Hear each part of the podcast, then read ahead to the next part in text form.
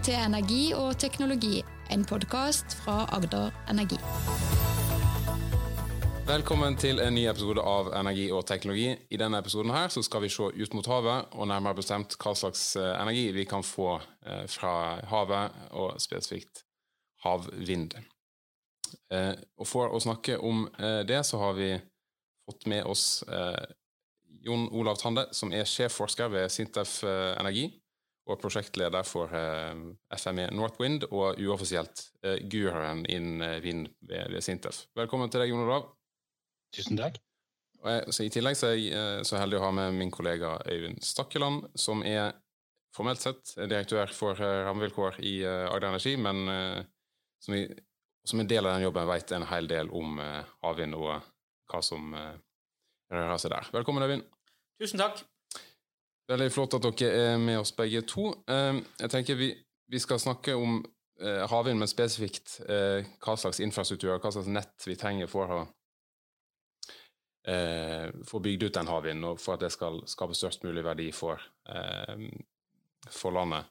Eh, men jeg tenker at vi, hvis vi begynner litt med bakgrunnen, er det, hvorfor er det så mange som er opptatt av havvind nå? Det er mange som har fått med seg at det er veldig store ambisjoner, eh, og mange har store forhåpninger til det. Eh, vil, vil, du begynne, Jon Olav? Ja, eh, tusen takk. Um, det er jo EU eh, og Europa som kanskje først og fremst har pekt på havvind som en stor mulighet eh, for å dekke framtidige energibehov. Eh, hvis man når klimamål i 2050 i Europa, så har man sett at havvind vil være en veldig viktig del av løsninga. Man må bygge ut sånn at man skal dekke ca. en tredel av elforbruket i Europa i 2050 med havvind. Og da må vi bygge ut fire, 400 gigawatt havvind eh, i Europa. Eh, det tilsvarer om lag 15 ganger vannkraftkapasiteten vi har i Norge. Så det er snakk om veldig store mengder eh, ny kapasitet med vind. Eh, det betyr mye for eh, leverandørindustrien. Eh, så det åpner et marked. Og det betyr jo også en, en energirevolusjon. Det er en del av en energirevolusjon, egentlig, i Europa. Hvor all fossilt basert kraft skal fases ut og erstattes med fornybar kraft, som vann, vind og sol. Mm. Ja, jeg tenker også det at et av hovedbildene er at Europa skal jo egentlig bygge om hele sitt eh, kraftsystem. Det er en formidabel jobb. Du skal eh, få erstatte den godt regulerbare kraften som du har, med uregulert fornybar kraft. Eh, og det krever utrolig masse. Så en del av dette er at havvind eh, er det naturlig å se på fordi at det er vanskelig å få bygd ut fornybar kraft. Eh, vi ser utfordringer med å bygge ut eh, på land. Eh, men havvind der er i hvert fall store arealer. sånn at hvis det gjøres fornuftig, så ses det på som en stor mulighet til å få bygge ut masse. Og Så blir utfordringen selvfølgelig å få kraften dit han trengs. Mm. Det, det skal, vi, skal, vi, straks komme inn på, men du, du nevnte leverandørindustrien, Jon Olav. Der er det jo De fleste kjenner til at det står foran en eh, stor omstilling. I perspektivmeldingen fra regjeringa som, som, kom i, i, vår, så er det anslått at den, den, kommer til å bli om lag 50 000 færre jobber i den industrien eh, fra, bare fram mot 2030, eh, som skal erstattes av en del andre. og det, det, er litt av bakgrunnen for at folk har store forhåpninger til, eh, til, til hvor mange nye jobber som skal komme i, i, i leverandørindustrien til havvind. Eh, kan du si litt om, om det? Ja. Um det er klart at når vi skal bygge, opp, bygge om det hele det europeiske kraftsystemet, eh, så krever det mye ny investering og mange nye leveranser fra leverandørindustrien. Og så er spørsmålet om hva er det norsk leverandørindustri kan bidra med. da? Åpenbart skal man sette opp vindturbiner til havs. Det er, det er ikke der norsk leverandørindustri har sin forse, men vi har vår forse i det vi kaller balance of plant. Altså det vil si alt det andre enn selve turbinene, dvs. Si understell, nettilkobling eh, også en del installasjon og vedlikehold har vi leveranser på.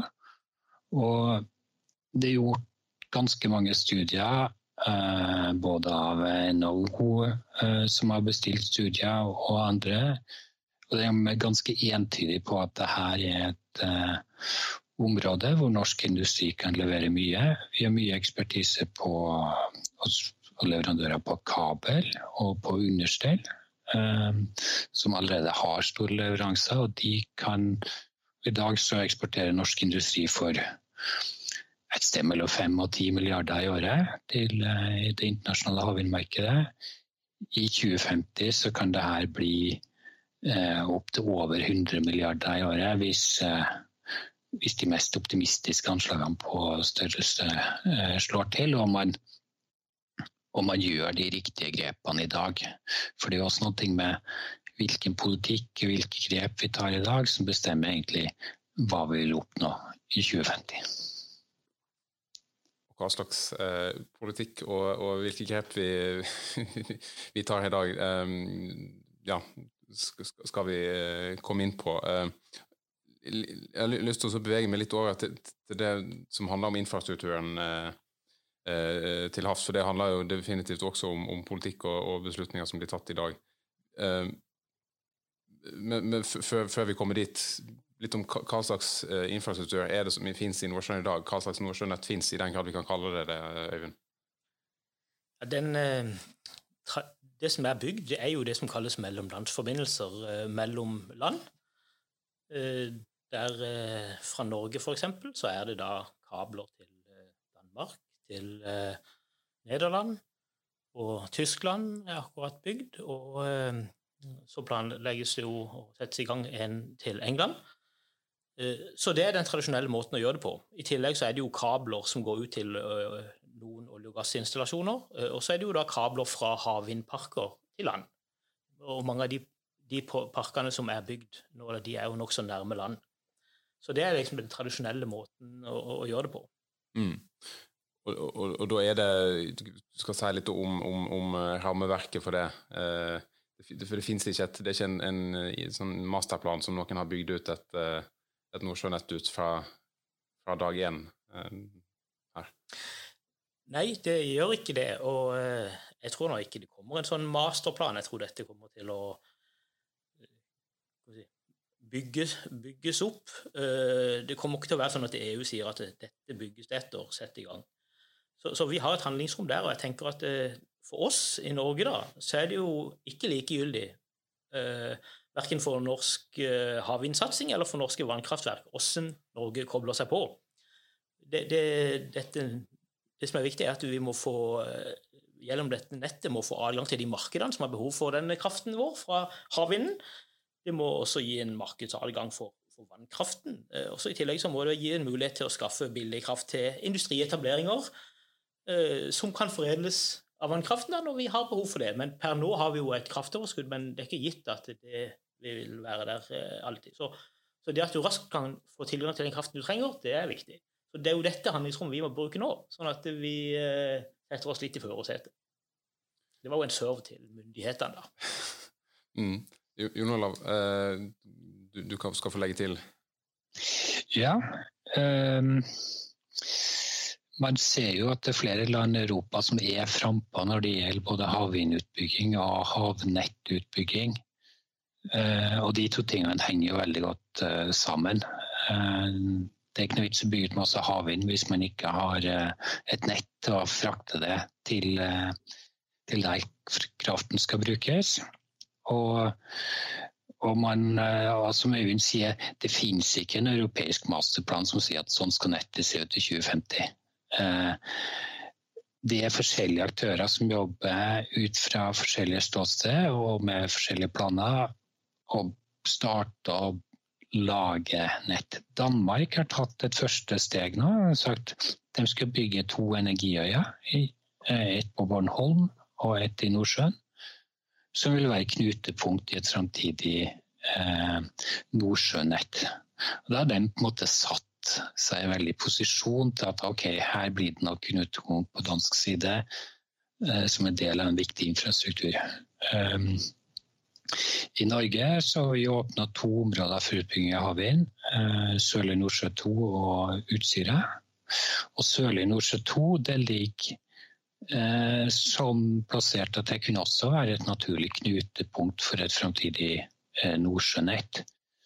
Hvor man da har forbindelser fra Norge ut til eh, det knutepunktet og videre til kanskje Tyskland, England, eh, kanskje olje- og gassinstallasjoner Eh, veldig mange muligheter for utvikling av et sånt nett.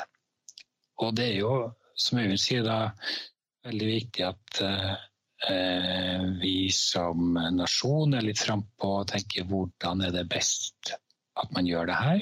Både for Europa og for Norge og for aktørene. Og det er forskjellige perspektiv man må legge til grunn. da. Eh, sånn at man kan utvikle en metodikk for å Eh, analysere og ta et kunnskapsbasert beslutning om en sånn utvikling.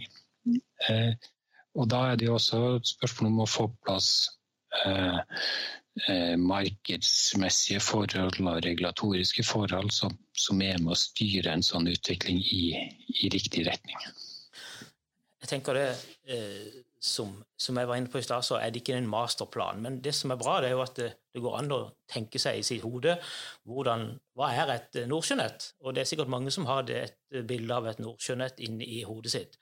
Og I mitt hode, så, eh, i det lange bildet, så er både mellomlandsforbindelsene som er der i dag, disse hybride nettene som Jon Olav snakker om, og radialer som går til land, alt eh, er en del av et eh, et framtidig nordsjønett. Så nøkkelen er jo å få dette til å spille sammen så godt en kan.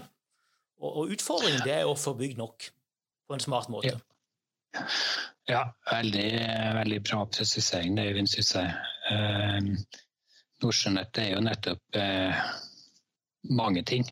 Eh, det er et uh, hybrid maskanett, og det er radialer fra vindparker til land, og det er radialer fra olje- og gassinstallasjoner til land og etter hvert. Og så er det det her med olje og gass. da. Eh, I 2050, hvis vi skal ha nullutslipp, så er det ikke sikkert vi har så mye olje- og gassproduksjon i Nordsjøen. Eh, men kanskje har vi hydrogenproduksjon istedenfor. Eh, og det er veldig mange som tenker at i 2050 så har man et nordsjønett som ikke bare frakter elektrisitet, men også hydrogen. Mm. Og at man har en Eh, man får en tettere integrasjon også mellom el og hydrogen i et framtidig eh, kraftnett. Mm. Du kan si litt om, om, hvordan hydrogen blir en aktuell løsning eh, i forbindelse med havvind, kanskje? Ja. Um, la oss si da at man har bygd ut 400 gigawatt uh, havvind i Europa i 2050 som skal dekke en tredel av elforbruket. Um, da skal man altså frakte 400 gigawatt fra havet og ut til forbrukerne, som stort sett er på land. Um, og man kan selvfølgelig bygge store kraftlinjer.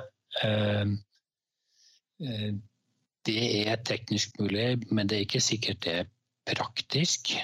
Uh, man kan kanskje tenke seg at deler av det her fraktes med store kraftlinjer for el, eh, mens andre deler av kraften da tar man eh, havvind og bruker eh, elektrolyse for å lage hydrogen fra, fra vann.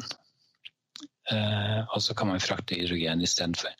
Det er mulig å frakte større mengder energi på den måten på en ja, relativt lettere måte. Det er ikke lett å frakte hydrogen heller, men det, det, er en mulighet som mange ser på. Man kan gjøre om hydrogenet til annen gass, sånn som ammoniakk, som også kan være en utslippsfri eh, drivstoff. Eh, og hadde det vært så greit at man bare gjorde om el til hydrogen uten energitap, så hadde det vært på en måte litt sånn uh, sleivete no-brainer. Uh, men, men, det er dessverre sånn da, at når du gjør om el til hydrogen via elektrolyse, så du ganske, bruker du ganske mye energi i den prosessen. Um, så du sitter kanskje med halve energien når du har gjort om.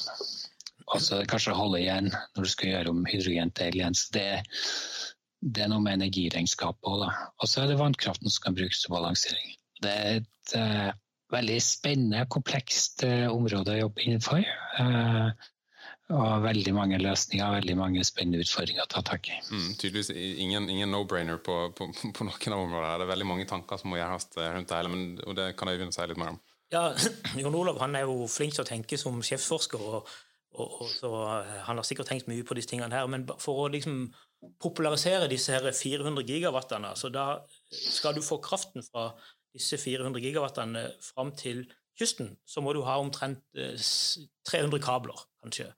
Når en vet Det er ikke rett fram å få bygd 300 kabler. Det er jo veldig vanskelig å få bygd én. Eh, så, så, vi ser jo at dette er eh, krevende. Eh, så da er det akkurat som Jon Olav sier, at det, eh, å få transportere det på en litt eh, mer, hensikts, mer, hensiktsmessig måte, altså som hydrogen f.eks., til de som faktisk trenger kraften, det er jo én måte å gjøre det på. Eh, eller de som trenger energien. Og de sitter jo kanskje langt unna, f.eks. i Sør-Tyskland eller noe sånt, og, bygger, og har industri der. Så det er det ene. Og det andre er jo at det, kanskje disse som trenger kraften, må komme til, til der det produseres. Eh, enten da den her hydrogenproduksjonen som, som, trenger mye kraft, eller eventuelt til kysten der disse kablene kommer inn. Så du kommer til å få en stor endring i hele strukturen basert på denne utfordringen. Og så er det noe med at den hydrogenen det er også noe som kommer til å bli et kjernepunkt i forhold til eh, hvordan du skal oppnå klimautslippsreduksjoner. For den kan brukes ikke bare til, til, å balansere kraftproduksjon, men den kan brukes ikke minst til transportsektoren og til uh, industri og disse her. Så hydrogen er noe som en trenger uansett. Så det er en veldig smart måte å produsere det på eh, fra havvinden. Eh, jeg har lyst til å komme litt over i, i, i det som går på ja, de problemstillingene og det regulatoriske som hvordan skal en løse det her? Altså det, vi er jo mm. enige om at en ikke har, eh, har en, en ferdig pakka plan som bare er å utføre, Uh, at det er veldig mange aktører. Men vi kan si litt om det, det er forskjellige stater og ja, Jon Olav kan godt få Ja, jeg er ikke helt ferdig med hydrogen ennå. Nei, da, da skal du få fullføre det. Jeg stopper deg. Saken er jo det at uh, Eh, vi snakker om hydrogen fra elektrolyse og havvind. Eh, og så er det jo sånn at eh, I Nordsjøen så frakter jo veldig mye gass allerede, men da som naturgass.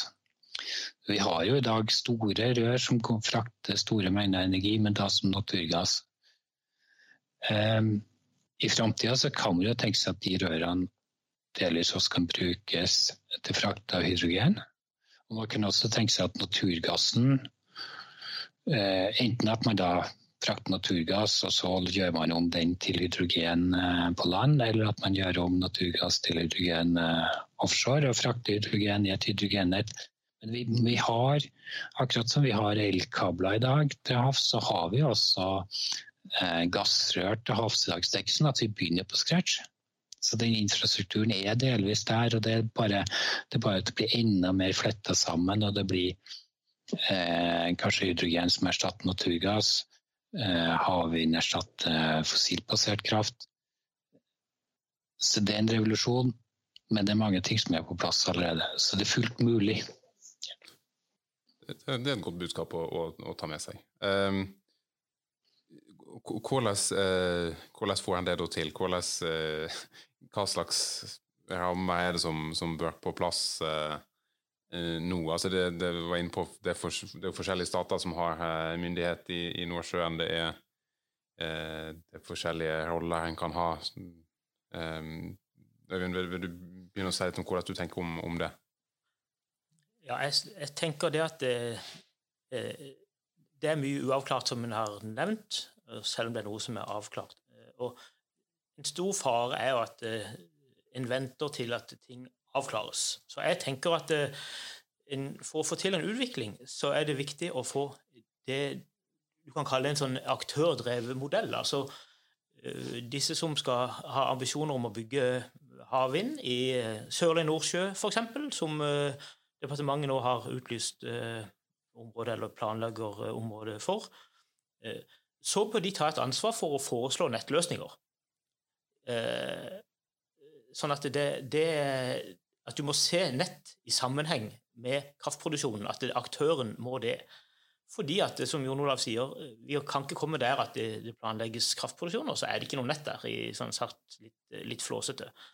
Eh, så det tror jeg er viktig, at eh, aktørene må ta et ansvar for å få opp nett. Men samtidig så må jo det være et overordnet perspektiv, at en må eh, få en nøytral aktør til å drifte et sånt nett. Og over tid så må du få en, en som ser det totale bildet med utredninger og hvordan et hvordan en kan bygge en norsk versjon av en masterplan, da, for å si det sånn. Men det er ikke noe vi må sitte og vente på. Så eh, jeg tror det er viktig å komme i gang eh, for disse andre landene som eh, de inngår avtaler, bilaterale avtaler om F.eks. Danmark inngår avtaler med Tyskland om å bygge disse her hubene som de snakker om. Samme mot eh, Nederland. Og og andre land inngår bilaterale avtaler. Så, så, eh, det må jobbes på flere fronter. Aktørene må gjøre det, og, og norske myndigheter må også melde seg på i de foraene der de møter eh, nasjonalstater. Det er noe. Og så er det TSO-en som også må være aktiv. Da. Statnett må være aktiv og, og, og, finne ut hva en ønsker. Mm. Uh, men, men en skal ikke bare overføre og vente på at Statnett skal uh skal ta det ansvaret, tenker du? Ja, jeg tenker det er utrolig viktig at, at eh, aktørene de ser eh, De gjør vurderinger hvor er det smart å bygge nett. Hvilke, eh, hvor, tenkt, hvor, det, hvor, er det smart å koble seg til? Men så, så, så må det være en koordinering likevel. For at det, hver, hver, aktør kan ikke bygge sin egen ukoordinerte kabel, men det er ikke det som er problemet. For det går an å, når aktørene får fram sine forslag og, og, og, og vilje til å, bidra og, bygge, så går det an at eh, planene som vedtas, at det er det en styring på. Ja Eh, Det er jo litt sånn eh, Nå står vi egentlig i en energirevolusjon, da, og vi eh, det, det, er mange ting som skal skje. Uh, og selvfølgelig så kan man jo kunne man tenke seg at eh, nå satte vi oss ned og så planla vi energisystemet 2050. og så regner vi oss tilbake på hvordan vi da skulle foreta en trinnvis utbygging for å nå det målet. Eh, det vil jo ikke skje, eh, fordi det er jo private aktører av veldig mange land som agerer. Så vi må være med og agere i, den, i det samspillet, da. Og vi, må, vi har et ganske klart målbilde hvor vi skal hen. Vi skal ha et utslippsfritt Europa. Vi skal ha et Europa hvor vi har god tilgang på energi, men det er ren energi uten utslipp, også i 2050. Eh, vi skal gjøre det på en mest mulig bærekraftig måte, og vi skal sørge for at eh, vi har eh, en trygg, god og rimelig energiforsyning også i framtida. Og da er det litt som jeg vil si at uh, vi, trenger, vi, trenger, forskjellige initiativ da, for å ta tak i den utviklinga. Uh, og så uh, skulle jeg veldig gjerne kunne sittet og sagt at og så bør man lage en regulasjon, en regulatorisk ramme som ser sånn ut, og så burde man ha sånne markeds Eh, vilkår. Det har vi ikke helt klart eh, sånn kunnskapsgrunnlag fra forskninga til å si akkurat sånn bør det gjøres. Men det er noe vi, eh, vi, forsker på og som vi jobber sammen med aktørene også for å komme med anbefalinger på, da, som skal være kunnskapsbasert. Um, hvor man tar med flere perspektiver. Mm.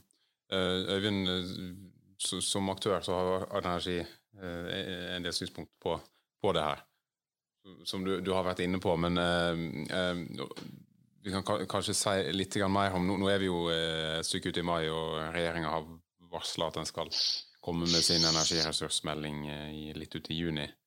Der vi, vi, forventer at det kommer en del avklaringer nettopp av de, de spørsmåla her. Mm. Ja, jeg tenker at for, for, aktørene så er det jo veldig viktig å Når I juni, når denne der forventer vi at det kommer denne energiressursmeldingen, også en såkalt veileder da, for hvordan aktørene skal skal, eller det skal være grunnlaget for aktørene til å planlegge den såkalte meldingen, altså den første planleggingsbiten på en havvindpark. Og Da er det veldig viktig at der kommer det fram hvilke krav staten vil stille til investorene sin fortsatt til utforminga i landføringsløsninger, f.eks.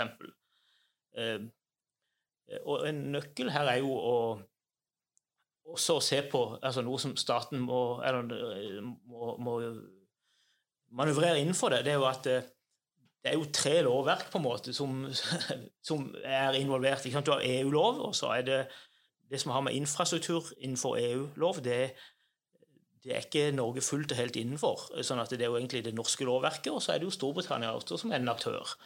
Så, så dette, disse kravene må harmoniseres litt inn mot, inn mot det. Og så er det jo viktig at det lages en, en plan som er forutsigbar, sånn at aktørene kan forholde seg til det i de trinnene som en må jobbe etter. Det er veldig viktig for aktørene, selvfølgelig. Mm. Uh, skal jeg spille ballen videre til, til Jon Olav, som uh, snakker om det her med, med ja, at vi ikke har uh, vi har ikke all kunnskap vi trenger. Det, det får vi kanskje aldri. Men uh, Sintef jobber med, med å altså forsker mye på, på havvind og infrastruktur. Og har satt i gang et prosjekt som heter Grønn plattform, havnett. Du kan si litt om hvordan dere, dere jobber nettopp med de problemstillingene her? Mm satt i gang er vel litt eh, sterkt sagt. Vi har søkt om å få et grønn plattformprosjekt. Eh, og det er jo da Equinor som egentlig er, søker. På, på et industridrevet prosjekt. Og så har Sintef lidd på et, et kompetanseprosjekt som er knytta opp mot det. da. Og det kompetanseprosjektet ledes jo av Sintef, og der, og der har man sterkt fokus på det å Eh, ja, få opp kunnskapsgrunnlaget for hvordan utvikle eh, et marked og regulatoriske forhold for å få til en lønnsom utbygging av havvind på norsk sokkel. Både bunnfast og flytende. Eh, som kan skape nye grønne arbeidsplasser. Få til omstillinga av norsk leverandørindustri fra olje og gass til, til havvindrelatert Eh, leveranser. Og selvfølgelig også økte eksportinntekter gjennom at de produktene og varene og tjenestene som de eh, produserer, eh, kan eksporteres til, eh, til andre land. Eh, vi, vi, hvis vi skal få til en havvindsatsing i Norge, så er det jo mange sånne usikre sikre momenter. Men det er én ting som er ganske sikkert. Det er det at man må sørge for lønnsomhet.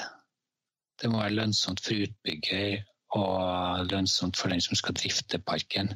Hvis ikke så blir det ikke bygd noe. Og hvis man ikke får bygd noe, får man ikke noe hjemmemarked for norsk leverandørindustri. Da blir det vanskelig for dem å få eh, bygd seg opp. Eh, får vi bygd, eh, så vil det også være med å sette Norge i posisjon til å bli en del av et, en sterkere del av et framtidig europeisk nordsjønett. Ehm, vi blir en mer aktiv aktør i å styre utviklingen av et framtidig europeisk nordsjønett, og der har Norge eh, stor interesse i å være med å styre den utviklinga, og ikke bare henge med på hva andre land eh, måtte finne på. Det er jo Øyvind helt, eh, helt enig i. Absolutt. Jeg tenker også Det, det som eh, Jon Olav var inne på med lønnsomhet, er jo særdeles viktig. Altså, vi ser for oss at uh, havvind i Norge uh, det kan Havvind i stor skala bygges ut uten subsidier fra Norge. Men at du kanskje må ha et bidrag til teknologiutvikling av umodne teknologier. Så tenker jeg litt sånn tilbake på disse aktørene da, som, som jeg er opptatt av. Og det blir jo fort nå at det er en stor interesse for å bygge. Og myndighetene har jo en jobb der de skal finne ut hvem, hvem er det som skal velges ut her. Eh, og da må de jo lage kriterier for det. Og noe av det vi tror er viktig, da, eh, det er at aktørene de viser at de eh, støtter opp under det som er den store målsetningen med havvindsatsingen. F.eks. at de bidrar til, til, innovasjon og industribygging. At de bidrar til å få fram nettløsningene som vi var inne på i stad. At de kan bidra til, med, med, et kommersielt godt prosjekt, konsept osv. Så sånn at og at det gjerne blir en bredde i aktører òg.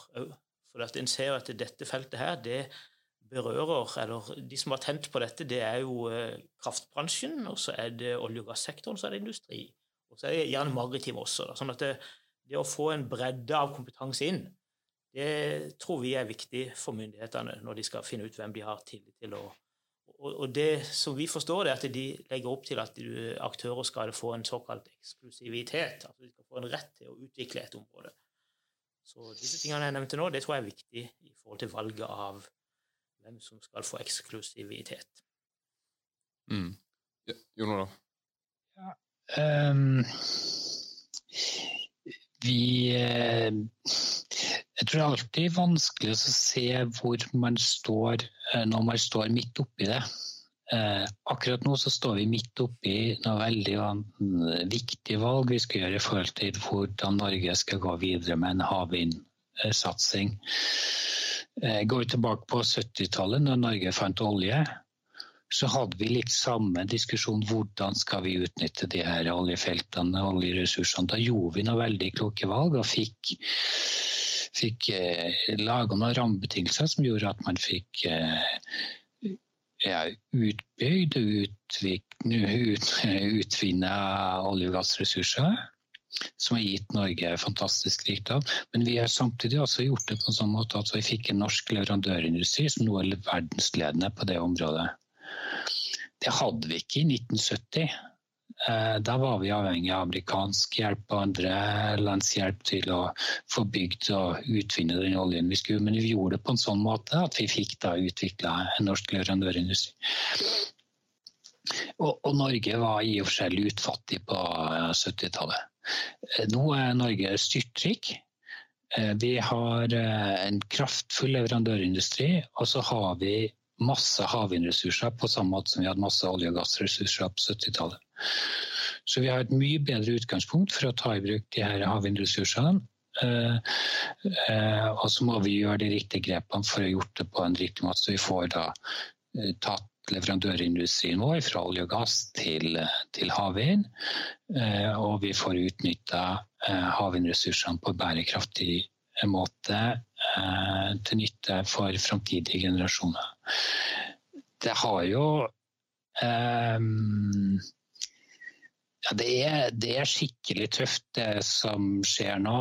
Uh, klarer Norge den omlegginga her, så har vi på en måte uh, virkelig vist at det ikke er en tilfeldighet at vi har lyktes som nasjon, men at vi er ja, hva det Brundtland sa? da? At vi er gode til å være gode, eller et eller annet.